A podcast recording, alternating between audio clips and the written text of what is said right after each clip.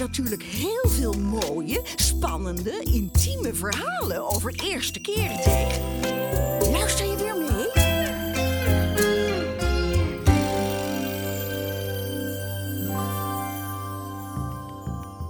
Ik denk dat ik tien was. Ik had er wel eens van gehoord, dus ik was van, huh, oké. Ik weet niet zo goed wat het is, maar ik was er wel nieuwsgierig naar.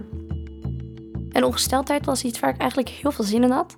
Want ik dacht, ja, en dan ben ik een vrouw. Dan ben ik echt volwassen. Had ik een soort gevoel bij daardoor.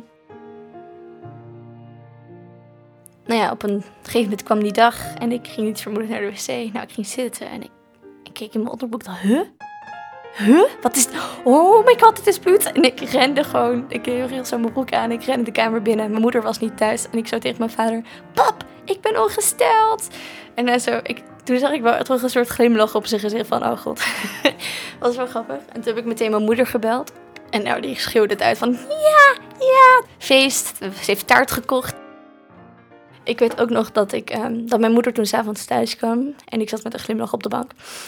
En dat mijn broertje, die snapte helemaal niet wat er aan de hand was. Ik denk dat hij, ja, 7, 8 jaar was. En dus zei mijn moeder, nou, die ging zitten. En die zei, Imre, mijn broertje, Floortje is vandaag een vrouw geworden. Ik voelde me helemaal niet vervelend. Ik had, ik had toen wel echt last van buikpijn. En dat was natuurlijk niet zo leuk. Maar ik was heel blij dat het eigenlijk gewoon gebeurd was. Want ik dacht, nou, nu ben ik klaar voor de wereld.